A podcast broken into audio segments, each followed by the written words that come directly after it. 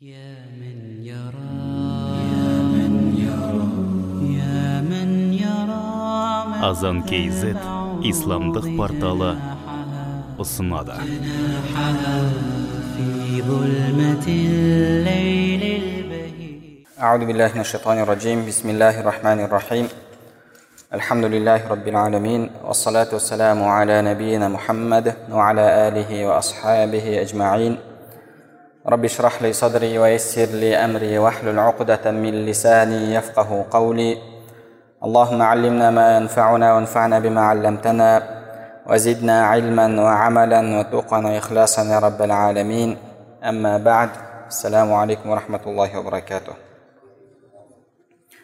иншаллах алла субханала тағаланың қалауымен дәрістерімізді ары қарай жалғастырамыз бұл сәрсенбі күні біз алдын рисалат мустаршидин кітабын оқып жатқан болатынбыз. Ол кітапты тамамдадық. Иншалла жаңа сабақты бірнеше апталардан кейін алла нәсіп етсе бастаймыз. Ал қазірге яғни сә- сәрсенбі сенбі күндері иншалла осы сенбі күні өтіліп жатқан нәпсін тәрбиелеу дәрісін өтетін боламыз иншалла.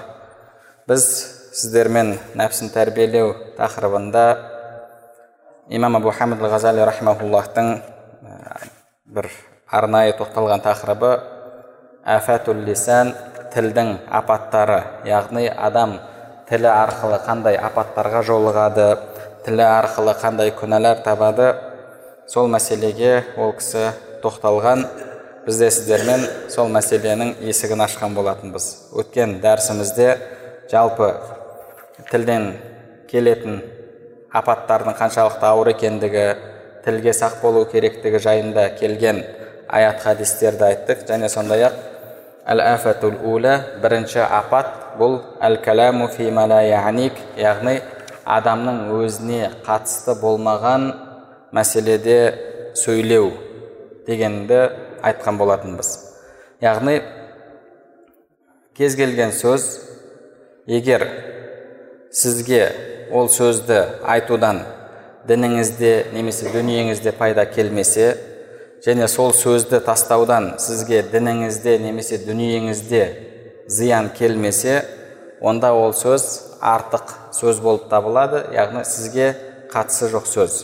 Сізге қатысы жоқ сөз Ә, және артық адамдарға сізге қажет болмаған нәрседен сұрақ қою адамдарды қиындыққа салу бұл да адамның өзіне қатысты болмаған нәрседе сөз сөйлеуі болып табылады.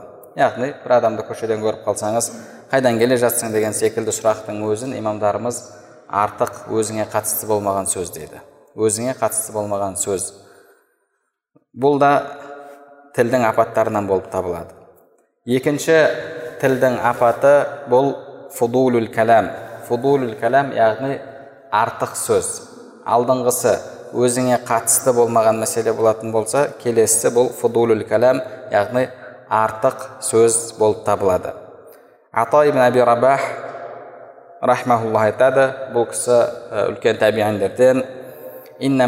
қаблакум сендерден алдын болғандар деді яғни кімдерді айтып жатыр пайғамбарымыз саллаллаху алейхи уассаламның сахабаларын айтып жатыр كانوا يكرهون فضول الكلام وكانوا يعدون فضول الكلام ما عدا كتاب الله تعالى وسنة رسول الله صلى الله عليه وسلم أو أمرا بمعروف أو نهيا عن منكر أو أن تنطق بحاجتك في معيشتك التي لا بد لك منها сендерден алдыңғы болғандар артық сөзді жек көрер еді деді артық сөзді жек көрер еді жақтырмас еді және олар артық сөз деп алланың кітабы пайғамбарымыз саллаллаху алейхи вассаламның хадисі жақсылыққа бұйырып жамандықтан қайтару немесе дүниеңе тіршілігіңе керекті болған сөз осыдан басқасының барлығын олар артық сөз деп есептейтін дейді артық сөз деп есептейтін أتنكرون أن عليكم حافظين كراما كاتبين عن اليمين وعن الشمال قعيد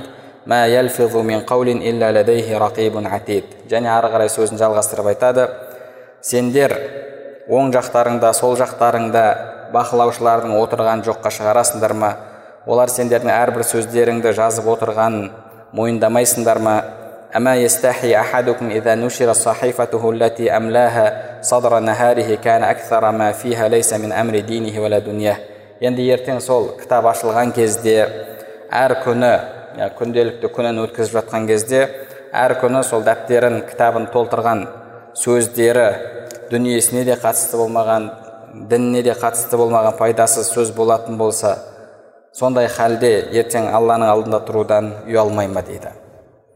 Және кейбір сахабалардан келетін сөздер бар. Кейде бір адам келіп маған бір сөзді айтады. Оған жауап беру мен үшін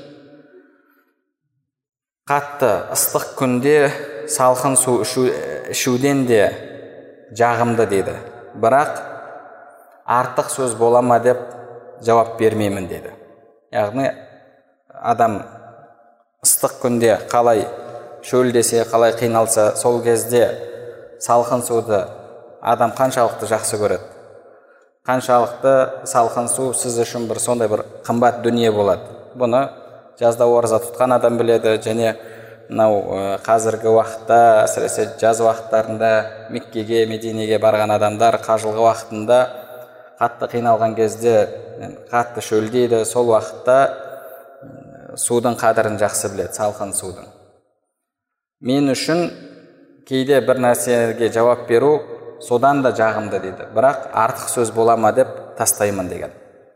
Пайғамбарымыз саллаллаху алейхи уассаламнан риуаят етіледі. Имам бағауи рахмаулла келтіреді.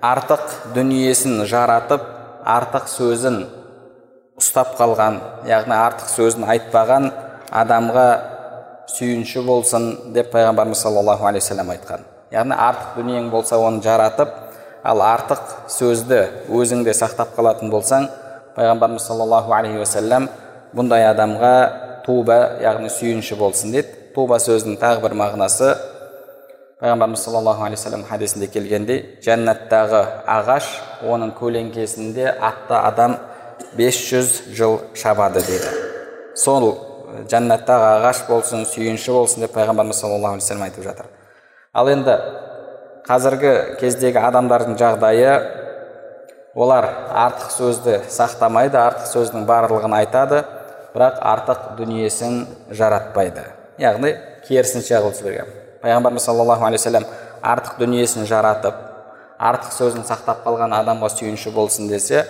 қазіргі кезде мұсылмандар артық дүниесін сақтап қалады кейде уәжіп болған парыз болған зекетін де бермейді бірақ одан сөз артылмайды мұтарриф ибн абдилла өзінің әкесінен риуаят етеді пайғамбарымыз саллаллаху алейхи уассаламға бір топ бәну амир яғни амир тайпасынан болған адамдармен келдім деді сонда арасынан сол бәну амир тайпасының адамдарынан бір адам тұрып пайғамбарымыз саллаллаху алейхи уассаламға әнта уәлидуна уә әнта сәйидуна афдалуна алейна фадла сен біз үшін бір әке сияқтысың сен біздің мырзамызсың сен біздің ішіміздегі абзалсың сен біздің ішіміздегі анаусың мынаусың кереметсің деген сек сондай сөздерді айтты. Сонда пайғамбарымыз саллаллаху алейхи уассалам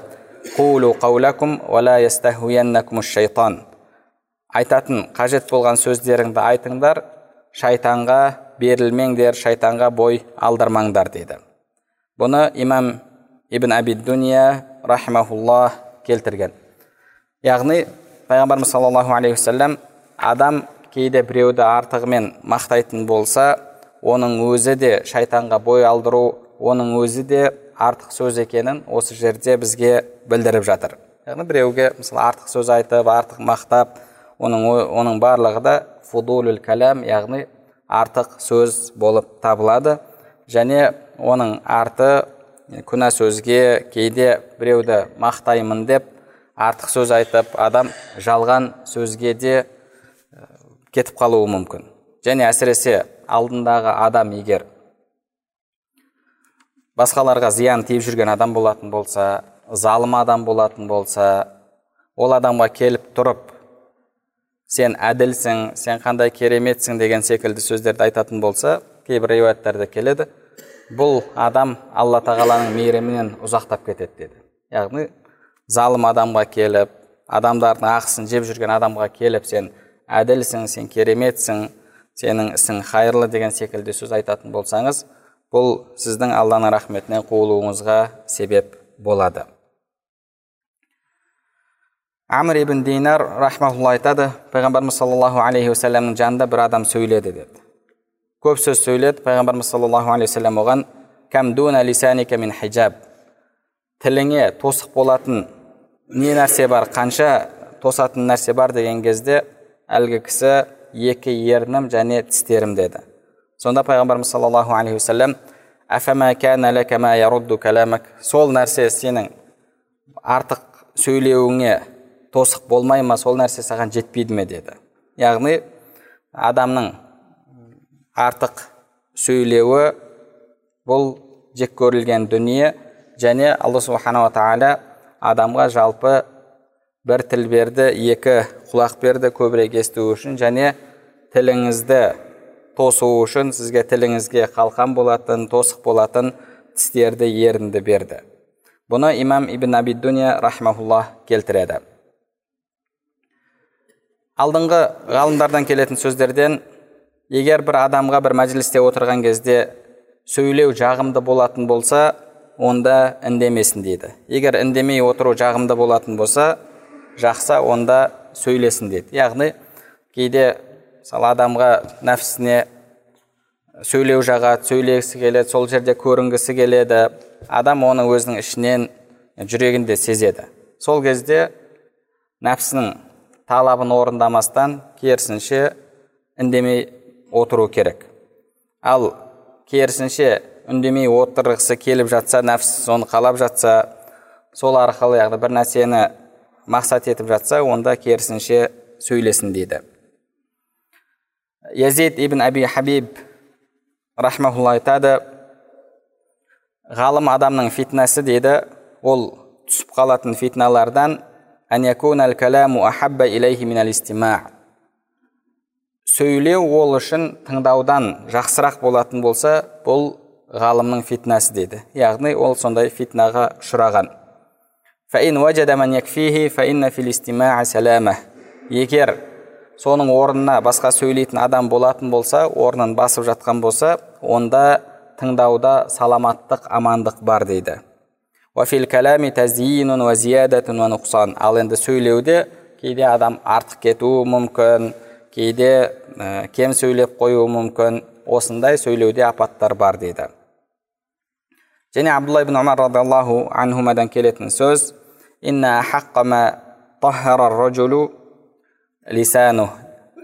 адамның ең тазалауға лайық болған жері денесіндегі бұл тілі дейді. Тілі яғни адам тіліне сақ болуы қажет. Үшінші тілдің апаты бұл әл фил батил яғни күнә сөздерді сөйлеу. Күнә сөздерді сөйлеу. Күнә сөздер сіз әлі істемеген істер. Былай істейік мынандай қылайық шығайық қыдырайық басқа қылайық деп мысалы досыңызбен егер отырып бір нәрсені жоспарлап жатсаңыз күнә істерді бұл әл хауду фил болып табылады. Немесе өткен нәрселерді талқыласаңыз мынандай болды кеше шықтық қыдырдық ана жерге бардық мына жерге бардық әсіресе бұл көп жастардың проблемасы мысалы бағанағы зинаға барады зинаға барып қояды алла субханала тағала оны жасырады. Ол келеді өзін әшкере етеді. Ол келеді өзінің істеген ісін адамдарға жариялайды. Пайғамбарымыз саллаллаху алейхи уассалам үмбетімнің барлығының күнәсі кешіріледі жария етушілерден басқа деді. Яғни күнәні істеу өз алдына бір бөлек күнә болатын болса харамды істеу ал енді оны келіп адамдарға жаю айту әсіресе мақтанып айту бұл оның үстіне тағы күнә болып табылады. Ол адам тәубе ету керек жылау керек өкіну керек ал енді бұл келіп досына келіп мен кеше бар, ана қызға бардым үйттім бүйттім деп келіп соны тағы да бағанағы егжей тегжейлі айтып беріп жатса мысалы оның сырларын айтып жатса бұның барлығы әл хауду фил батыл яғни күнә сөздерді сөйлеу болып табылады. Әсіресе бұл осы ә, жігіттердің арасында әйелдерге қыздарға қатысты әңгімеде болады. Және сол секілді соған яғни қатысты болған соған ұқсас дүниелерде. Бұл да адамның тілімен табатын үлкен күнәлардан тілімен табатын апаттардан. Сол үшін де адам нәпсісіне беріліп күнә істеп қойды ма?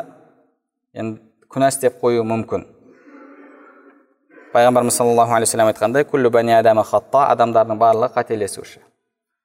Қателестің жақсы тәубе ет өкін тәубе ететін болсаң өкінетін болсаң иншалла алла субханала тағала ол күнәні кешіреді. Ал енді келіп оны тағы да айтып адамдарға мақтанып тағы да соны жаю бұл өкінген тәубе еткен адамның тірлігі емес сіз онымен тағы да қосымша күнә табасыз. Және ешқандай бір діни қажет болмаса ешқандай бір сол жерде соны айтуға бір мұқтаждық болмаса онда алдына бір қосымша сөздерді қойып та еш нәрсе айтудың қажеті жоқ. Яғни жахил кезімізде субханалла әлхамдулилля әйтеуір қазір намазға келдік түсіндік қой бұрын түсінбей тұрған кезімізде үйткен едік бүйткен едік. Не үшін айтып жатсың үйткен едік бүйткен едік? Не үшін айтып жатсың? Ол адамға содан бір пайда болып қалды ма? Сен білген кезде яғни оның бір дініне пайда келді ма? Дүниесіне пайда келді ма? Саған одан бір дініңе пайда келді ма? Не үшін айтып жатсың? Яғни үйткен едік бүйткен едік деп күнәлардың барлығын айтады. А бұл өкінген адамның тірлігі емес. Имам хасан рахмаулла айтады тәубе білесіздер тәубе деген нәрсе бар. Тәубенің ең басты шарты ол өкіну. Ең басты шарты өкіну.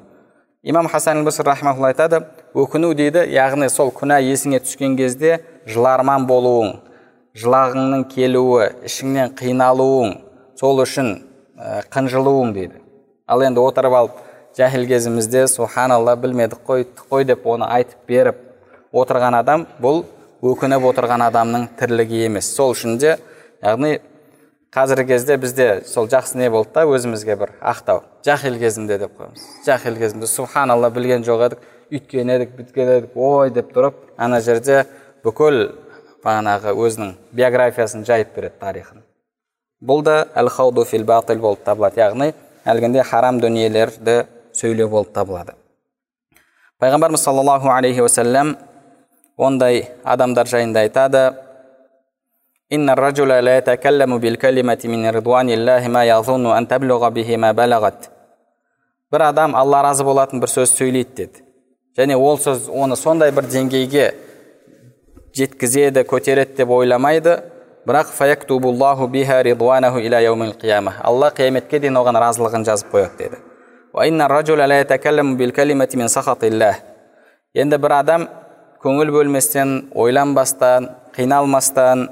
алланың ашуын тудыратын бір сөзді айтады.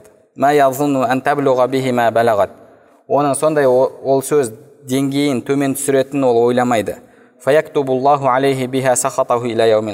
Бірақ алла субханала тағала сол сөзбен оған қияметке дейін өзінің ашуын жазып қояды деді. Яғни ол алла субханала тағаланың ашуында болады. Хадисті имам ибн мәжа имам термизилер келтірген. Алқама рахмаулла айтады үлкен табииндерден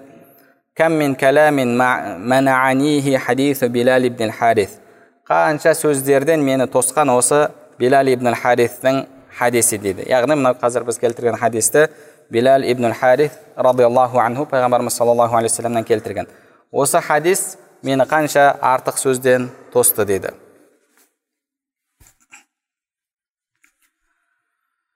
және пайғамбарымыз саллаллаху алейхи уассалам тағы басқа бір хадисте айтады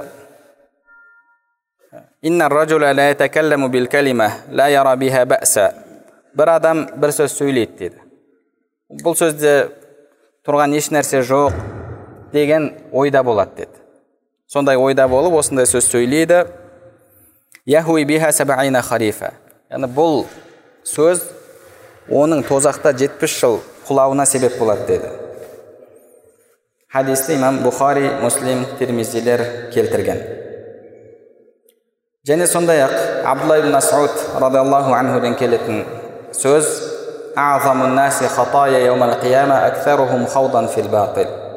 ертең қияметтегі ең күнәлары көп болатын адамдар осындай күнә сөздерді көп сөйлегендер дейді және алла субханала тағала құран кәрімде сол адамдар жайында айтады сақар сендердің тозаққа түсулеріңе тозақта жануларыңа не себеп болды деген кезде олар бірнеше нәрсені айтады. Соның ішінде яғни сондай әлгі күнә сөздерді сөйлейтіндермен бірге отыратын едік солармен бірге күнәларымызды әңгіме қылар едік дейді. Алла субханала тағала солар жайында айтады. Егер сондай адамдармен отыратын болсаңдар күнәсін айтып жатқан күнә сөздерді сөйлеп жатқан харам істі жоспарлап жатқан ондай адамдармен отыратын болсаңдар сондай адамдарға кезіксеңдер олармен отырмаңдар. Ол тақырып өзгермейінше яғни жақсы сөз сөйленбейінше ол жерде отырмаңдар. Егер олай істемейтін болсаңдар онда сендер де солар секілдісіңдер деді.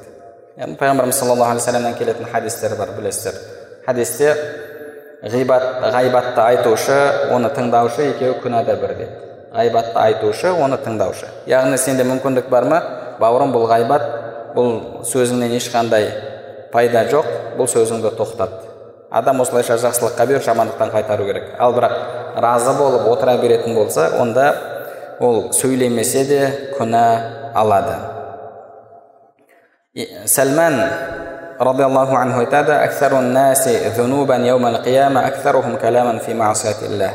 қиямет күні ең ауыр күнә алатындар ең ауыр күнәні арқалап келетіндер фи яғни аллаға алла қайтарған нәрселерде күнә істерді айтып сөйлеген адамдар дейді имам мұхаммад ибн сирин рахмаулла айтады бұл кісі табиандерден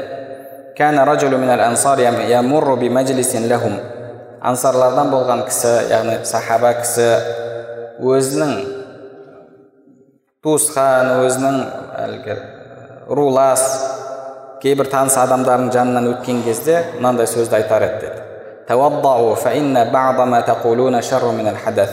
барып дәреттеріңді жаңалатыңдар дәреттеріңді жаңалаңдар қайтадан дәрет алыңдар сендердің мына айтып жатқан сөздерің нәжістен де жаман дейді. Яғни барып аузыңды шай барып мұрныңды шай бетіңді жу дәретіңді ал. Себебі сенің мына айтып жатқан сөзің нәжіс нәжістен де жаман дейді. Яғни осылайша егер адам күнәсін сөйлейтін болса ертең қияметте үлкен зиянға ұшырайды. Сол үшін де күнә істеп қойдыңыз ба? Яғни өткен күнәларыңыз болсын. Қазірдің өзінде шайтанға ерік беріп шайтаныңызға шайтаныңызға құл болып кейде күнәлар істеп қойдыңыз ба? Артынша тәубе етіңіз алла субханала тағаладан кешірім сұраңыз. Ал бірақ ол ісіңізді келіп біреуге ешқашан айтушы болмаңыз. Айтумен сіз тағы да күнә табасыз және айтумен сіз сол күнәлары кешірілетін адамдардың қатарынан шығып қаласыз. Себебі пайғамбарымыз саллаллаху алейхи вассалам күнәсін жария етушілерден басқалардың иншалла күнәлары кешіріледі дейді. Одан кейінгі тілдің апаты бұл әлмира жидал яғни талас тартыс таласу тартысу әркіммен бір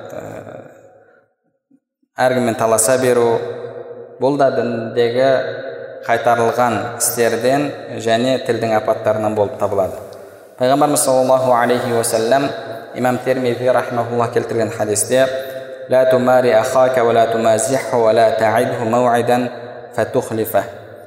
бауырыңмен таласып тартыспа онымен артық яғни орынсыз әзіл айтпа әзілдеспе және оған уәде беріп кейін ол ол уәдеңнен тайма дейді және пайғамбарымыз саллаллаху алейхи уассалам тағы да басқа бір хадисте айтады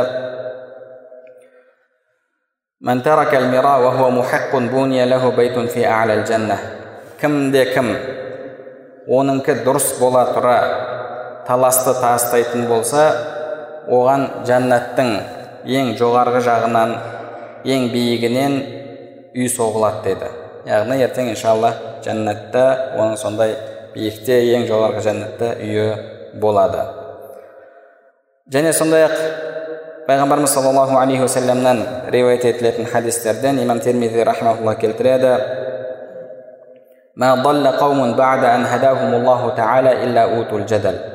Егер қайсы бір адам хидаяттан кейін қайтадан адасса оның белгісі алла субханала тағала оған талас тартысты беріп қояды дейді.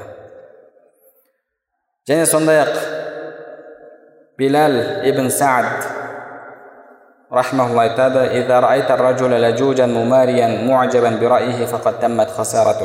егер бір адам таласып тартысқыш болса өзінің ойымен пікірімен мәз болатын болса ол адам зиянға ұшырапты дейді. Ол адам зиянға ұшырапты омар радиаллаху анхуден келетін сөз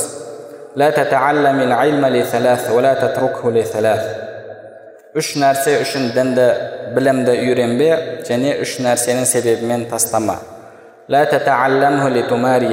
бірінші білім үйренуден ниетің таласып тартысу болмасын деді яғни біреумен таласып тартысу үшін білім үйренбе екіншісі онымен мақтану үшін үшіншісі сонымен рия жасау үшін деді. Яғни адам ниет білім алмақшы болған кезде ниетін дұрыстау керек ондай ниет болмау керек. Енді талап етуден ұялып білімді тастама яғни ол қажет па деген секілді зухуд деді. Яғни мысалы адам дүниеде зухуд жасау керек. Ал білімде зухуд жасауға болмайды. Білімде зухуд жасама деді. Және үшіншісі надандыққа разы болып тастама деді. Яғни сен бір нәрсені білуден бас тартып жатсың ба онда оның орнында сенде сол мәселеде надандық тұр сол надандығыңа разы болғандай боласың. Сол үшін де адам әрдайым білімге тырысуы қажет.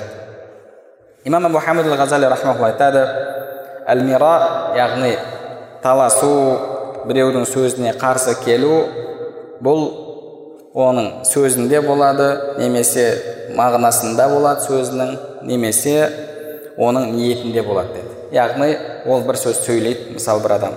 Ол олай емес былай айтылу керек деген секілді адамдардың көзінше мақтанып оның қатесін түзетесің.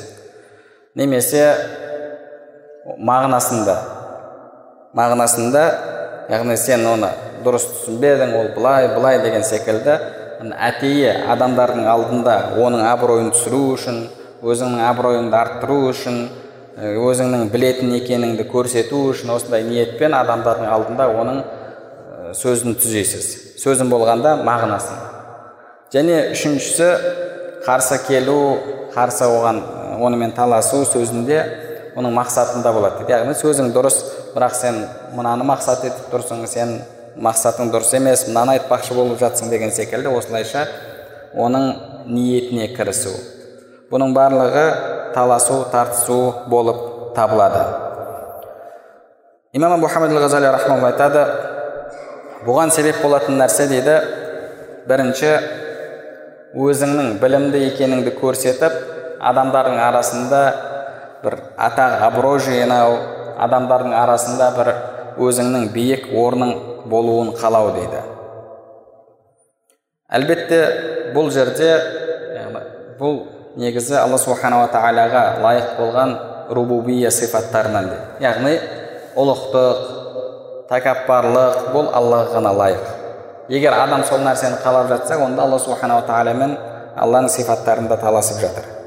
Және жаныңыздағы адамның дәрежесін түсіргіңіз келуі бұл адамдағы хайуандық сипаттардан деді. Адамдағы хайуандық сипат. Адамда сондай хайуандық жыртқыштық сипат бар.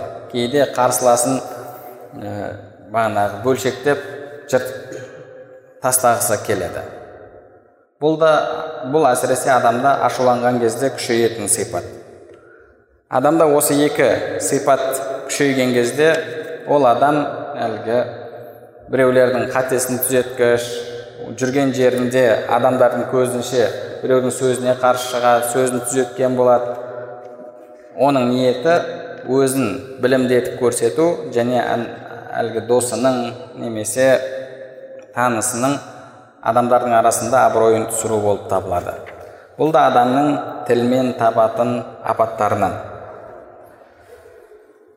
имам абу ханифа рахмауллахтан риуаят етіледі ол кісі дәуд ат таи деген кісіге айтқан неге сен адамдардан бөлініп жеке жүргенді қалайсың неге соны артық көресің деген кезде ол кісі айтқан яғни таласып тартыспауға өзімді үйрету үшін нәпсімді тәрбиелеу үшін деді имам, имам абу ханифа айтты деді сен ол мәжілістерге қатыс ол жерде айтылып жатқан нәрселерді тыңда бірақ сөйлеме деді сонда әлгі кісі мен олай істедім бірақ бұл маған өте ауыр тиді дейді. Яғни алдыңғы кезде мысалы фақихтердің отырысы болатын болған кейде халифаның алдында мысалы халифа оған қызық имамдардың таласқаны сонымен екі имамды алып келіп қояды да кәні мына мәселеде сен не дейсің дейді оған қарсылас алып келіп қояды да сөйтіп екеуін таластырып соған мәз болып қарап отырады. Сондай жерде халифаның алдында өзінің дәрежесін көтеріп қалғысы келетін қарсыласының дәрежесін түсіргісі келетін адамдар болған. Сондай нәрселерден адам қашу қажет. Мына имам содан қашып жеке болуды артық көрдім дейді. Имам абу ханифа рахмаулла ол кісі өзінің баласын дін мәселелерінде таласудан қайтарған. Неге енді мені қайтарып жатсың өзің солай істейсің ғой деген кезде ол кісі яғни баласының ә, ниетінде проблеманың бар екен немесе әлсіз екендігін білген сол үшін қайтарған. Егер оның ниеті нақты мысалы бір адасқан біреуге жауап беру болатын болса сол арқылы адамдардың жүрегінен күмән кетіру болатын болса онда алла субханала тағала құран кәрімде яғни жақсы көркем түрде олармен сөз таластыр дейді. Ал енді егер ниеті дұрыс болмайтын болса ниеті атақ абырой, абырой жинау болатын болса жанындағы қарсыласының абыройын төгу болатын болса онда бұл адам талас тартысты ол нәрсені тастауы қажет. Әлбетте бұл нәрсе адамға ауыр тиеді. Әсіресе мәжілісте отырған кезде адамдардың алдында адам атақ абырой жинағысы келеді. Бұл қиын болғандықтан да пайғамбарымыз саллаллаху алейхи уассалам кімде кім дұрыс бола тұра таласты тастайтын болса алла субханала тағала оған жәннаттың ең биігінен үй соғады деді. Және имам абу хамид айтады егер кімде кім осындай талас тартысқа үйреніп қалған болса және сол себепті адамдардың арасында атақ абырой жинап жүрген болатын болса онда бұл адамның бұл апаттан құтылуы қиын болады. Осыған тағы да әлгі одағы ашу сипаты басқа біреулерді талап шайнап тастағысы келетіндей әлгі хайуандық сипат ода тағы да қосылатын болса күшейетін болса онда бұл апат адамның бойында тағы да күшейе береді дейді. Сол үшін яғни бірінші адам бұндай мәселелерде ниетін дұрыстауы қажет.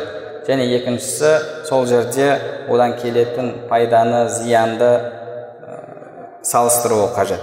Егер мысалы бір адаммен тұрған болсаңыз немесе жаныңызда адамдар тұратын болса жаныңыздағы адам қате сөздерді айтып соның себебімен әлгі адамдардың басына қате мәлімет кіріп қалатын болса онда сіздің міндетіңіз сол жерде соны айту. Айтқанда да яғни ананың бір абыройын түсіретін өзіңізді бір көтеретіндей ниет біріншіден ондай ниетте емес екінші тәсіліңіз дұрыс болуы қажет. Құранда алла субханала тағала көркем сөзбен көркем жолмен сөз таластыр деді. Ал егер ол мәселеде біліміңіз болмайтын болса онда ол нәрседен сақ болу керек. Себебі алла субханала тағала құран кәрімде кейбір адамдар білімсіз сөз таластырады деді. Және шайтандарға ереді деді. Яғни білімсіз сөз таластыру және ниетіңіз қисық болатын болса бұл сіздің тілмен табатын күнәларыңыздан тілдің апаттарынан болып табылады. Тілдің басқа да апаттары бар. Алла нәсіп етсе оны алдағы дәрістерімізде үйренетін боламыз. Алла субханала тағала бәрімізді тілін күнәдан жаман сөздерден сақтаған тілімен тек қана алланы зікір еткен адамдардан етсін. Алла субханала тағала бәрімізге пайдалы білім нәсіп етсін білімдерімізге амал етуімізді және амалдарымыздың қабыл болуын нәсіп етсін.